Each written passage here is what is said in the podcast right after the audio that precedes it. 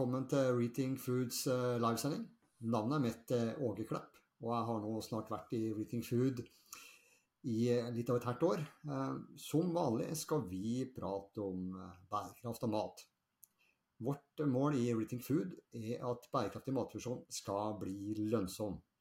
Jeg har en sterk følelse av at dagens gjest ønsker det samme. I dag har vi med oss Anne Kristine Øen. Hun er Sjømatrådets utsending i USA. Velkommen. Vi setter stor pris på at du tar deg tid til å være her med på sendinga vår.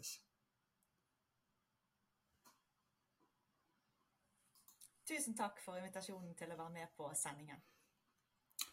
Ja, først Anne Kristine. Ehm, det er kanskje en del av våre seere som ikke kjenner deg så godt, så kan du ikke først si litt om deg sjøl? Som du sa, så er jeg sjømatutsending for Norges sjømatråd til USA. Og bakgrunnen min den er som typisk bergenser fra havbyen Bergen. Det er fra havnæringene. Det er fra shipping, og det er fra fisk. Eller fish and chips, om du vil. Eh, og det er altså kjemikalietank Oddfjell har jobbet for. Jeg har jobbet for Grieg, som driver med både shipping og fisk. Eh, og eh, jeg har jobbet for Movi, som er verdens største eh, produsent av atlantisk laks. Eh, når jeg kom til Norges sjømatråd, så kom jeg fra Salmon Group, som eh, er eid av de små og mellomstore lakse- og ørretprodusentene langs norskekysten. Så jeg har jobbet eh, egentlig hele spekteret av sjømatnæringen, særlig da med det som har med laks og ørret å gjøre. Og det er også de største produktene Norge eksporterer til USA. Ja, Det høres ut som en god bakgrunn for å måtte ta den jobben du nå har. Men før du sier noe mer om hva du holder med borti USA, kan ikke du si litt om Sjømatrådet? Hva er det dere holder på med i Sjømatrådet, i stort og smått? Jo, Sjø, Sjømatrådet er en veldig spennende organisasjon. Vi er et statsaksjeselskap som er eid av Nærings- og fiskeridepartementet. Men vi mottar ingen økonomisk støtte fra Nærings- og fiskeridepartementet. Eh, Sjømatrådet er finansiert av næringen selv gjennom en lovpålagt avgift på eksport av norsk sjømat. Så det er næringen selv som betaler for oss. Det er de som på en måte eier oss, og de passer godt på at vi gjør en skikkelig og god jobb for dem. Så jeg eh, hører stemmene deres inni hodet mitt stadig vekk når vi skal ta beslutninger om hva for noen veivalg vi skal gjøre, for de følger godt med og er opptatt av at vi skal gjøre de smarte tingene for dem.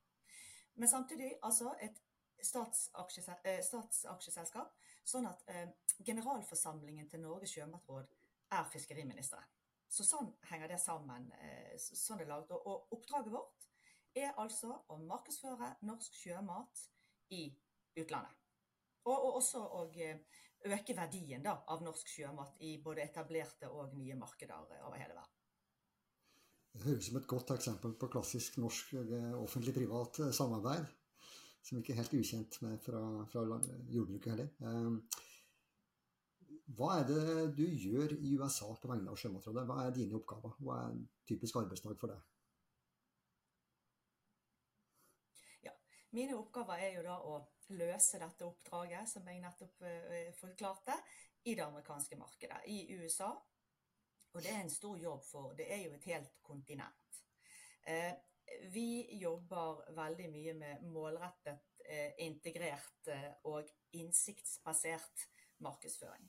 Eh, vi har en veldig stor innsiktsavdeling som sitter i Tromsø, og som er eh, verdens fremste på innsikt eh, når det gjelder markedsføring av sjømat. Min jobb går ut på at jeg i det daglige jobber både mye med næringen hjemme, alt fra produsenter til eksportørselskaper. Og så jobber jeg med næringen her i USA, med importører, distributører. Og så jobber vi opp mot eh, dagligvarehandelen, og vi jobber opp mot eh, restaurantkjeder f.eks. Eh, og eh, arbeidets art har forandret seg litt i løpet av de tre årene som jeg har vært her. For i ganske mange år så har Norges sjømatråd i USA ikke hatt så veldig store budsjetter, sånn at vi har vært henvist til å jobbe veldig mye Eh, business to business-markedsføring. Altså markedsføring ut mot profesjonelle segmenter, ikke direkte til konsument. Men mm, fordi det har vært en sånn stor vekst i eksporten av sjømat fra Norge til USA, så har vi også fått større budsjetter. Og fra i fjor høst så kunne vi jobbe direkt, mer direkte ut mot konsument. Eh, og eh, da eh, jobber vi på en litt annen måte. Eh, veldig mye av det vi gjør, det er mediekjøp. Altså at vi sørger for at vi er på plass på viktige flater eh, med film, veldig mye levende bilder eh, for, for sjømatnæringen. Og det liker vi selvfølgelig veldig godt fordi alt som du har gjort digitalt, det går an å måle. Og vi er veldig opptatt av det at vi hele tiden skal kunne måle resultatene av arbeidet vårt. Og det spiller jo også igjen tilbake på det som jeg sa i sted om at næringen følger godt med på oss. Og vi er opptatt av at vi skal kunne vise næringen òg hva de har fått igjen for kronene sine hele tiden. Eh, og så er vi ganske kirurgiske eh, på det vi har såpass mye innsikt, så kan vi være ganske kirurgiske i hvordan vi skal nå publikum. Eh, og vi jobber ikke over hele kontinentet. For vi har tross alt begrensede midler, og det er dyrt å drive med markedsføring i USA. Så vi satser først og fremst i de områdene der vi vet at det bor folk som har god økonomi, eh, gjerne høy utdanning og er sjømatspisere.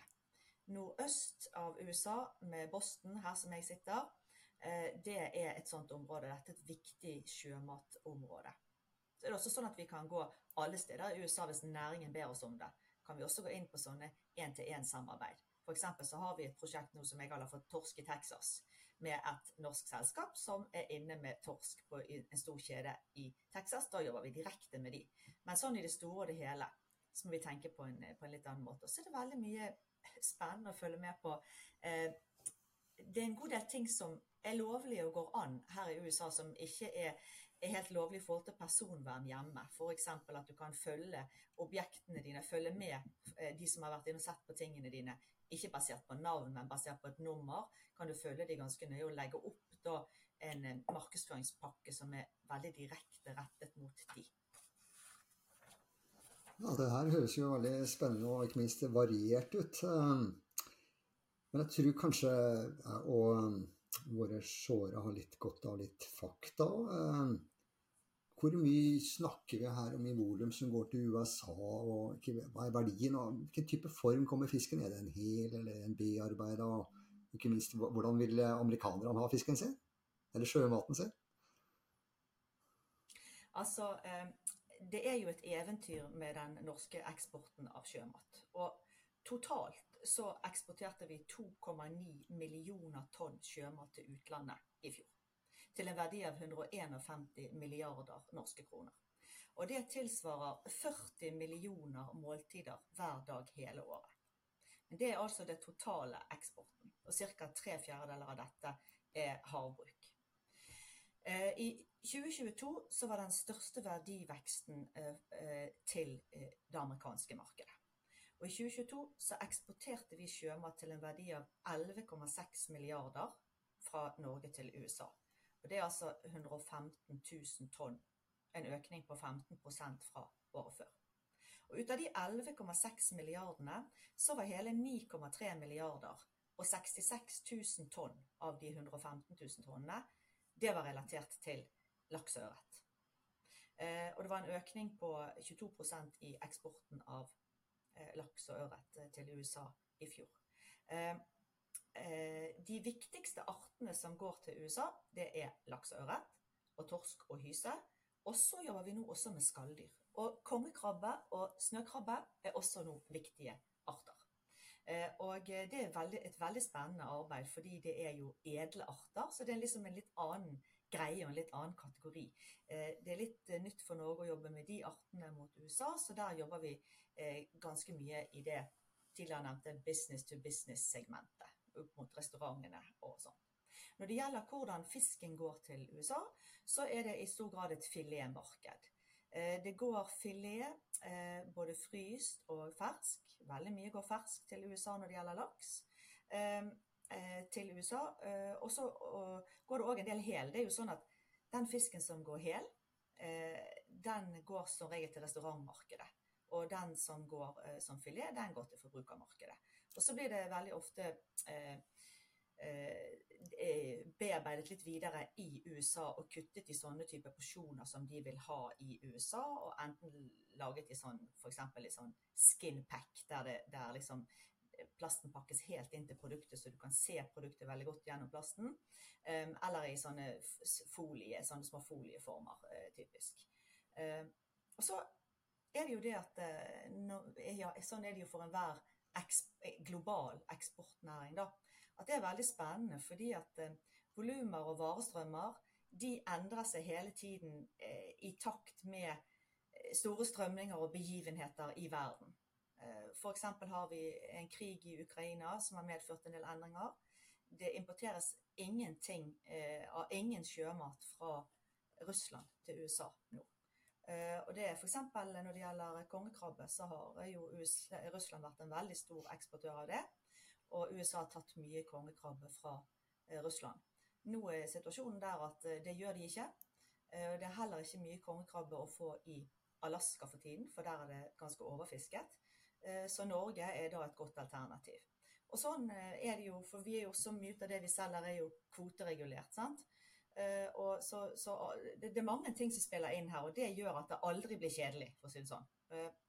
Og, og det som jeg nevnte med den store verdien av laksen som vi har eksportert, det er jo også fordi at lakse- og ørretprisene har jo vært historisk høye i 2022, og også så langt i 2023 Eh, så er, så er, USA og den, det landet med størst verdivekst og mest relatert til laks og, og ørret. Ja. Du nevnte jo Ukraina-krig eh, og litt Så har det vært en pandemi og, oppi det hele, og inflasjon har vi jo fått så det holder. Eh, I hvert fall norske forbrukere har jo blitt mer prisbevisste. Hvilke kriterier er det amerikanerne går etter når de skal handle norsk sjømat? Nå hørte ikke jeg hva du sa, for det var veldig mye klipping på linjen. Ja, jeg sier at vi har jo hatt Du nevnte jo en Ukraina-krig, og vi har hatt en pandemi, og vi har fått ganske stor inflasjon etter hvert. og Ting har blitt dyrere, i hvert fall norske forbrukere har blitt ganske så prisbevisste. Hvordan, hva er det amerikanerne går etter når de skal handle norsk sjømat? Eh, har de andre kriterier, eller er det mye likt en nordmann? Eh, det som, det som, er kriteriene for amerikanerne når de skal handle eh, protein, rett og slett, og når de skal handle sjømat, det er smak, pris, helse, convenience, altså at det er lettvint å tilberede det, og så er det bærekraft som nummer fem. Så smak og pris det er nummer én og nummer to. Eh, det er helt klart at amerikanerne har måttet bli mer bevisste på hva de kjøper, for her har vært høy inflasjon, som du er inne på. Eh, dagligvarer, drivstoff har blitt betydelig eh, dyrere. Vi ser at i stadig større grad så eh, handler folk sånn private label-ting, altså ikke merkevarer, men de merkene som de forskjellige butikkene promoterer fordi de skal være rimeligere. Eh, eh, så det er, det er eh, sånn. Laksen er jo eh, en enormt populær eh, fisk i hele verden. Og den er den nest mest populære sjømatproduktet i USA, kun slått av reker. og den norske laksen den finner du stort sett mest i dagligvarebutikkene som ligger fra midt på treet og oppover i pris og kvalitet. Eh, så de billigbutikkene de har ikke mye norsk laks. Det vil finnes en del fryst der, men ikke fersk f.eks. Og så er det mange som handler i sånn klubb her. Eh, altså at du er medlem av en klubb, f.eks. Costco eller Sam's klubb eller BJs. Eh, og det gir deg en del sånne medlemsfordeler, og da kjøper du gjerne litt større bulk òg, da. Og Costco f.eks., som er en ja, det er ikke billig, men det er rimeligere enn om du skulle kjøpt det noen mange andre steder. Eh, de har veldig mye norsk laks og ørret på menyen. Og det som er veldig kult med den, da, det er jo at den har en sånn liten lapp på seg der det står at den er fri for antibiotika. Og det er begynt å bli et veldig viktig selling point her i USA. Og så Når du spør om ja, hvordan amerikanerne tenker, eh, de har fått dårligere råd, mange av de, så er det jo sånn at i dette store landet, i dette kontinentet, så er det mange sannheter som lever ved siden av hverandre. Ja, det er sant at mange må snu veldig på skillingen, og så er det sant at mange har så masse penger at de aldri trenger å tenke på hva de bruker. Sant? Så det fins eh, liksom litt mange forskjellige eh, eh, sannheter eh, oppi denne historien.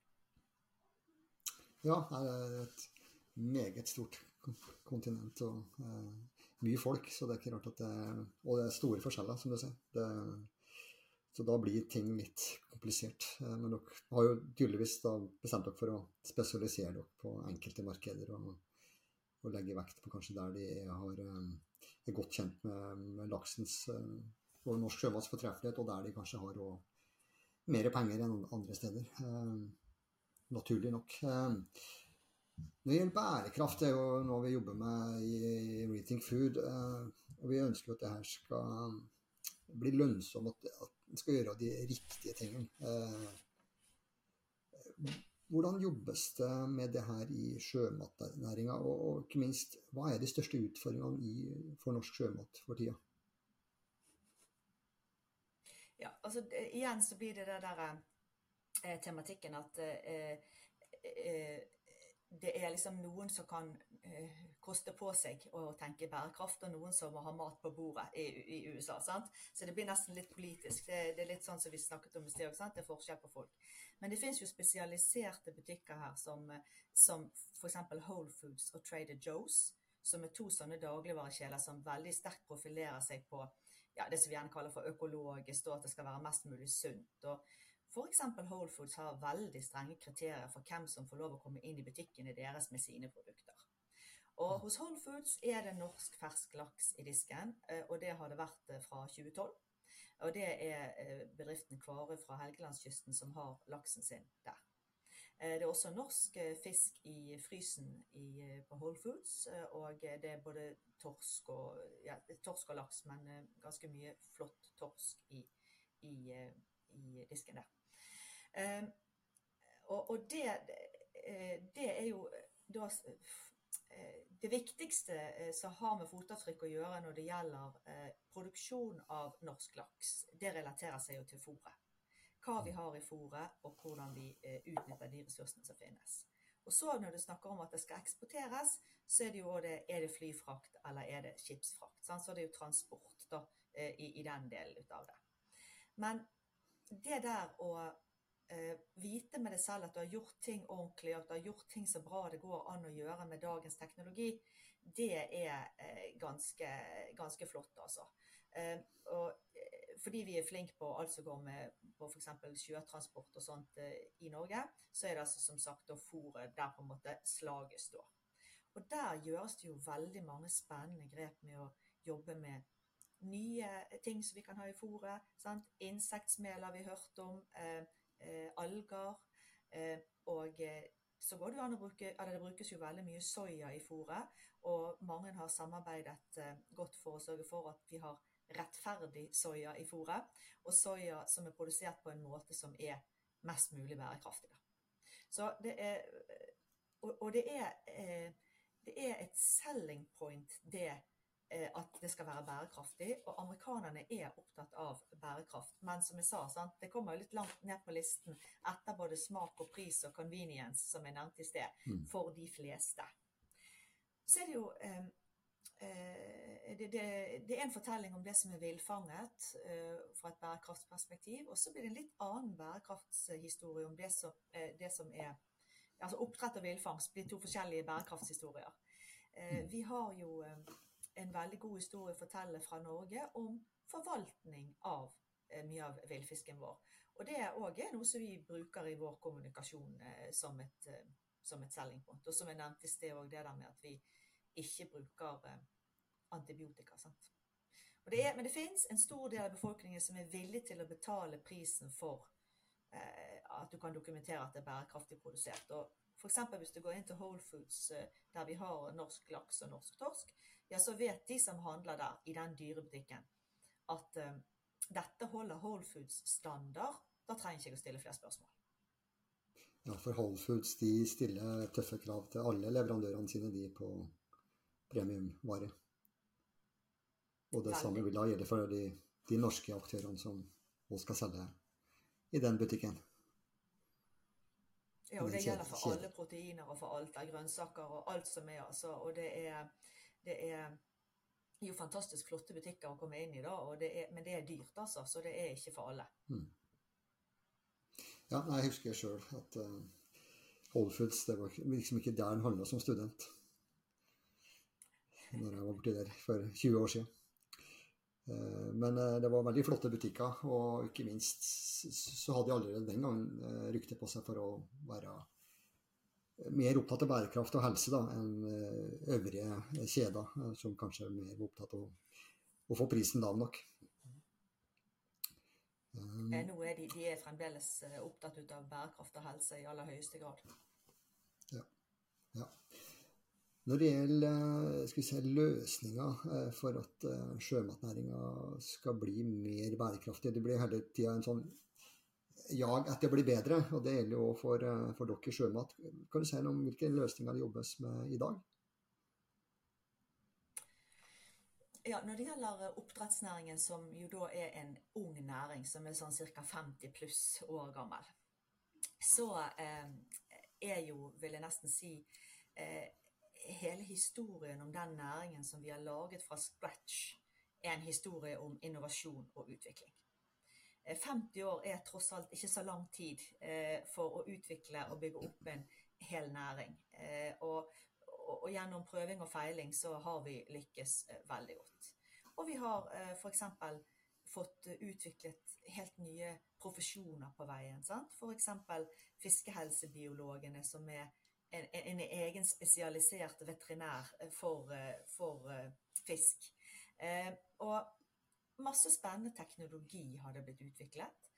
Altså, Det er sensorer i merdene som måler temperatur og salinitet, og hvordan tilstanden er generelt.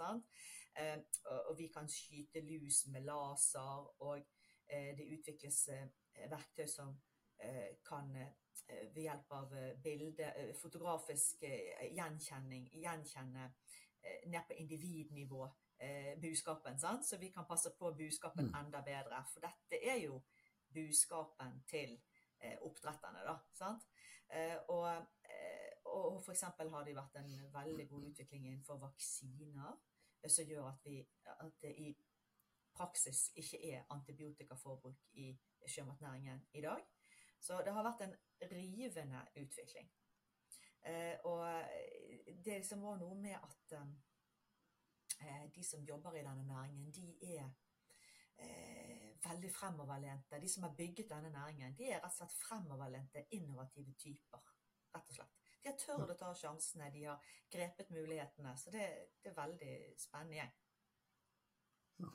Vi, vi leser litt om skal vi si, anlegg til havs og litt forskjellige aktiviteter her. Eh, og, og noen satser jo på å, drive på land. Eh, havbruk på, eller laks i hvert fall, på land. Eh, hvor langt har de kommet i utvikling? Er det, er det forventa at dette kommer til å bli en stor andel av norsk sjømatnæring, eller er det bare en liten sånn sped start enn så lenge? Altså Foreløpig så er jo laks på land en, eh, en sped start, vil jeg si. ja. Eh, og det kan være noe som kan utvikle seg til en spennende nisje. Eh, eller det kan bli enda større. Det er vanskelig å si. Det er litt sånn Det har jo som ikke blitt det helt store enda da, i volum. Og så nevnte du lakseproduksjonen til havs. Det er jo òg noen selskaper som er i gang med. SalMar og Nordlaks i, i Norge, blant annet.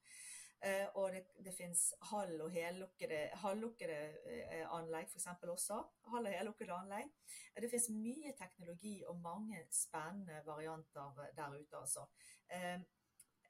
Foreløpig så er det jo sånn at vi ennå har stor nytte og glede av de naturgitte forholdene som Norge har, da. Med mm. den lange kysten og kaldt, klart vann.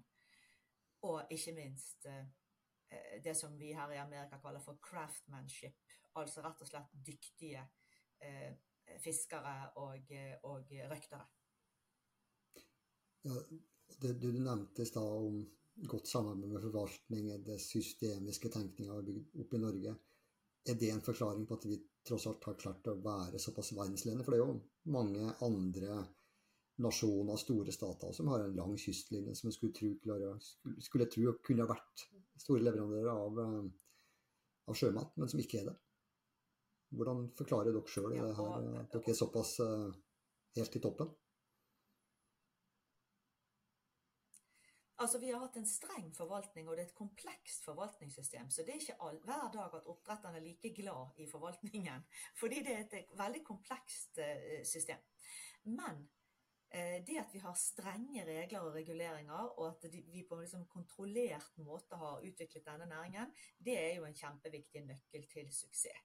Der både Mattilsynet, veterinærmyndigheter og eh, de myndighetene som bestemmer hvor du skal ha eh, anleggene dine, har spilt sammen. Og det er helt klart en, en av suksessfaktorene her. Det at man har hatt strenge regimer rundt seg. For vi har, som du sier, sett andre steder at ikke det har blitt like vellykket fordi at de regimene som regulerer, ikke har vært like strenge.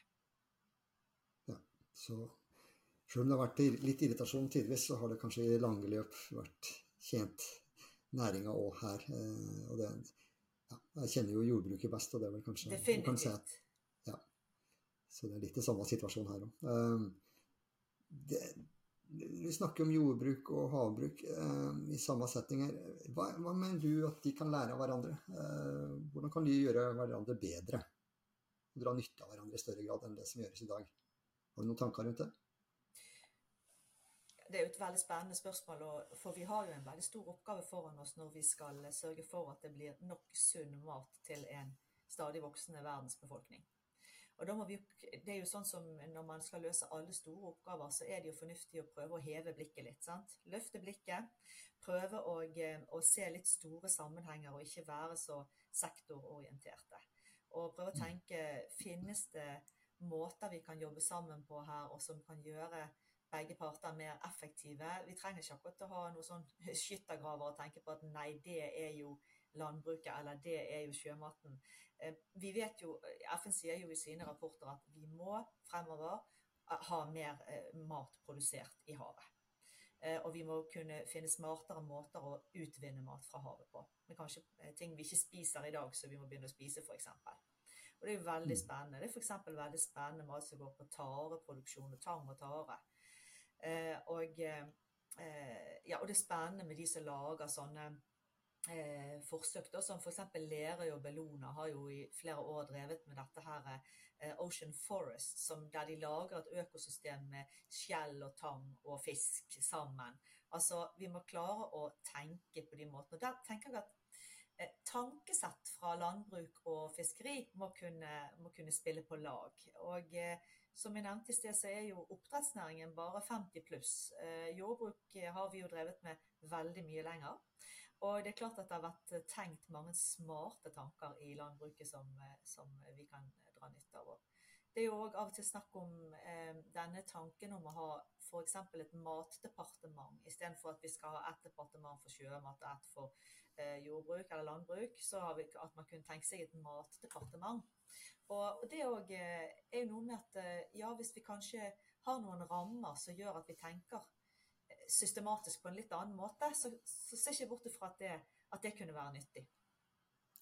Ja, nei, Det har vi jo vært inne på i våre tanker, vi og uh, i Rethink Food, at uh, kanskje må en legge noen si, perler på plass, og kanskje må en gjøre det her mer, litt mer samorganisert. og Da kan jo være et felles departement. Og vi har jo løfta fram og kanskje ideen om å lage en, en felles matstrategi for, for bionæringen, her, ikke minst da matsektoren som sådan. Og tenke da ja, å dra nytte av uh, hverandres kompetanse, men òg kanskje få til mer uh, sirkulære tenkning og verdikjeder og, og, ny verdiskaping i, i, i praksis.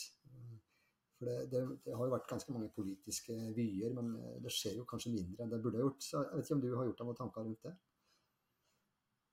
Ja, altså jeg, jeg, er enig med deg i at det høres eh, veldig eh, smart ut. Og, eh, og at ja, igjen det med at hvis vi alle klarer å løfte blikket, så kanskje kommer altså, da kan to pluss to bli fem.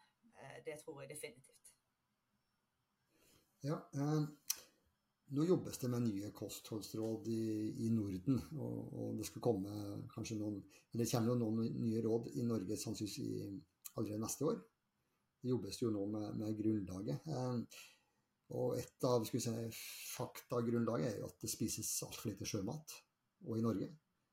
Eh, hvordan er ståa i USA? Spiser de mindre eller mer eller noe likens med sjømat der, som vi gjør her hjemme på berget? Altså Først må jeg bare si at Nordmenn må jo bare spise mye mer sjømat, fordi vi har jo verdens mest fantastiske sjømat. Og det kan ikke være sånn at små barn spiser mer smågodt enn fisk.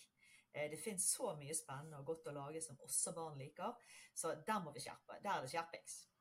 Eh, så når det gjelder USA, så har jo også eh, USA sånne kostholdsråd som kommer ut. Statlige kostholdsråd som oppdateres hvert femte år.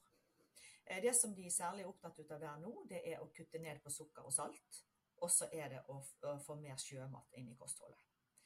90% av USAs befolkning spiser for lite sjømat. Så det er ikke noe imponerende fortelling, dette.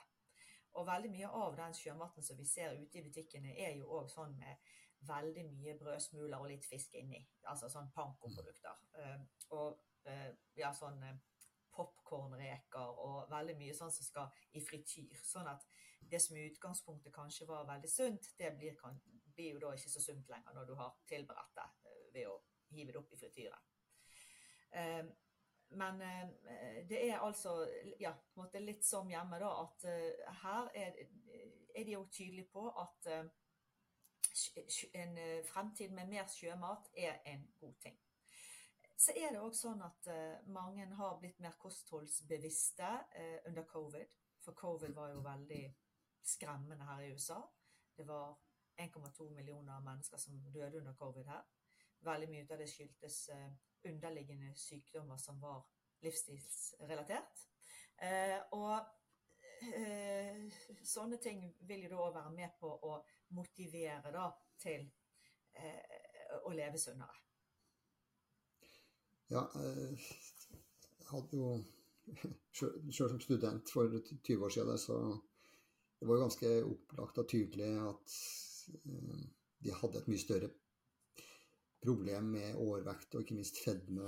Um, og at det førte veldig klare sånn, sosioøkonomiske skiller i USA. Uh, så det er jo gledelig å høre at de begynner å jobbe, eller jobbe målbevisst med å endre, uh, og ikke minst da at norsk sjømat kan være en del av løsninga. Det høres jo veldig riktig ut. Men det å få snudd det der i praksis hvor langt er de på vei? Eh, er det fryktelig, lang, fryktelig langt lerret som skal blekes, eh, og mange utfordringer som møtes, skal møte på veien? Ja, og så er det igjen det som du er litt inne på. Du er litt inne på det med de sosioøkonomiske skillelinjene. Sant? Det blir nesten et sånt politisk spørsmål. Du kan ikke si til noen som ikke nesten har penger til mat på bordet, at de må velge noe dyrere. Eh, så det er, jo, det er, jo, en sånn opphopning av negative ting, det der fordi dette er jo et samfunn som er veldig polarisert på alle måter. Og det er stor forskjell på fattig og rik eh, her. Eh, det, det, det, å leve usunt er jo på en måte et fattigdomsproblem. En del av fattigdomsproblematikken. Sant? For mye av den sunne maten er dyrere. Og det er jo ikke unikt for USA. Sånn er det jo veldig mange steder i verden. 41 eh, av befolkningen sier at de kunne tenke seg å spise mer sjømat. 68 eh, av befolkningen sier de kunne tenke seg å prøve å leve sunnere generelt. Eh, så er det jo det vi sier når vi blir spurt, og så er det det vi gjør i praksis, som du er inne på. Og der kommer altså inn alle disse andre faktorene. Da, sant? Hva, hva har du råd til, og hva er convenient? Det er, det er en vanskelig nøtt, det der. En annen ting som jeg reagerer litt på i dette samfunnet, det er all den maten som kastes. Altså det Mellom 35 og 40% av all mat i dette landet kastes. Og det er helt fælt å tenke på når du vet at det er mange som knapt får nok mat. Eh, og dessuten så representerer de jo et stort eh, fotavtrykkproblem.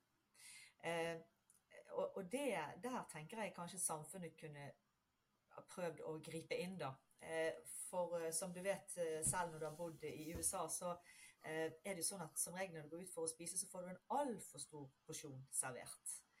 Og hvis vi kunne liksom restauranter og kafeer og kantiner kunne tatt ansvar for det, at man fikk mer passelige porsjoner istedenfor at man skulle ta med seg eh, halvparten av maten hjem.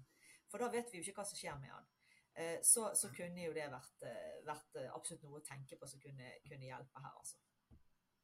Ja, jeg håper at Men det er klart, sånne politiske, regulatoriske grep er kanskje ikke så populært i USA, der folk skal få lov til å bestemme sjøl. Men uh, litt smøre, litt mindre porsjoner, som du sier. Og jeg tror òg den Særlig kjedene, billigkjedene, hvor de pusher billig, dårlig mat og, og gjerne altfor store pakningsstørrelser. Og en på kjøpet får du gjerne hvis du kjøper en svær pakke. Så det, det, der, det der må de få løst før de får virkelig ordna den helseproblemet de har, tror jeg. Eh, så det, det, er vel mer enn et oppdrag du kan løse alene på, på, med dine, dine, andre oppdrag du skal løse for Sjømatrådet. Så vi får la den ligge til en, til en senere anledning. Eh, men eh, vi i Reating Full er jo i, i, gang med et prosjekt der vi prøver å beskrive norske matsystemet i 2035. Og du har jo jobba i Norge og har erfaring herifra, så du har ikke glemt helt hvordan det er i hjemlandet. Så hvis du skal inn noen tanker og litt sånn om hvordan det ser ut i norsk sjømatnæring om tolv år, hva, hva tror du da? Altså, eh, jeg tenker jo helt klart at eh, det norske sjømateventyret, det fortsetter. Eh, vi har naturgitte fortrinn, og de kommer til å være der. Og vi har ikke minst kompetanse. Og det siste blir jo mer og mer viktig. sant? Og som jeg var litt inne på i sted òg, at de typene som driver med oppdrett, de er veldig innovative og fremoverlente. Eh, så jeg tenker at vi kommer til å komme med eh, Kanskje vi driver lenger ut på havet, sånn som vi var inne på i sted. Kanskje noe på land. Kanskje driver vi med nye arter. Eh, og som vi òg har snakket om, så vet vi at mer mat må komme fra havet. Og vi vet at i Norge så klarer vi å lage den maten på en veldig god, list, veldig god måte. Listen til Color Fair, som kommer hvert år, som er altså en sånn liste over Eh, de beste børsnoterte eh, proteinprodusentene. Eh, der pleier seks av ti ut av de som er på toppen av listen, å være sjømatprodusenter. Og de siste årene så har det vært Movi og Grieg og Lerøy på topp tre. De har byttet litt på plassene der, men jeg tror nå at det er fire år på rad at Movi har vært på topp. Så det er åpenbart at vi har noe bra på gang her. Og kompetanse, naturgitte forhold, kompetanse, det at vi vet at vi må spise mer fra havet, det gjør at jeg ser veldig lyst på eh, norsk sjømatnæring sin fremtid. Jeg tenker det var en, en, veldig fin plass å avrunde dagens eh, samtale. Det her eh, lover godt òg for eh, tida som kommer. Eh, så tusen takk til deg, Anne Kristine. Eh, virkelig interessant å høre om hva du holder på med til daglig borti USA. Eh, og veldig inspirerende. Så, og takk til dere som fulgte sendinga. Og anbefal gjerne denne livesendingen og podkasten til folk dere tror kan ha glede av det. Og da gjenstår det bare å ønske dere alle sammen god helg, og på gjensyn neste fredag.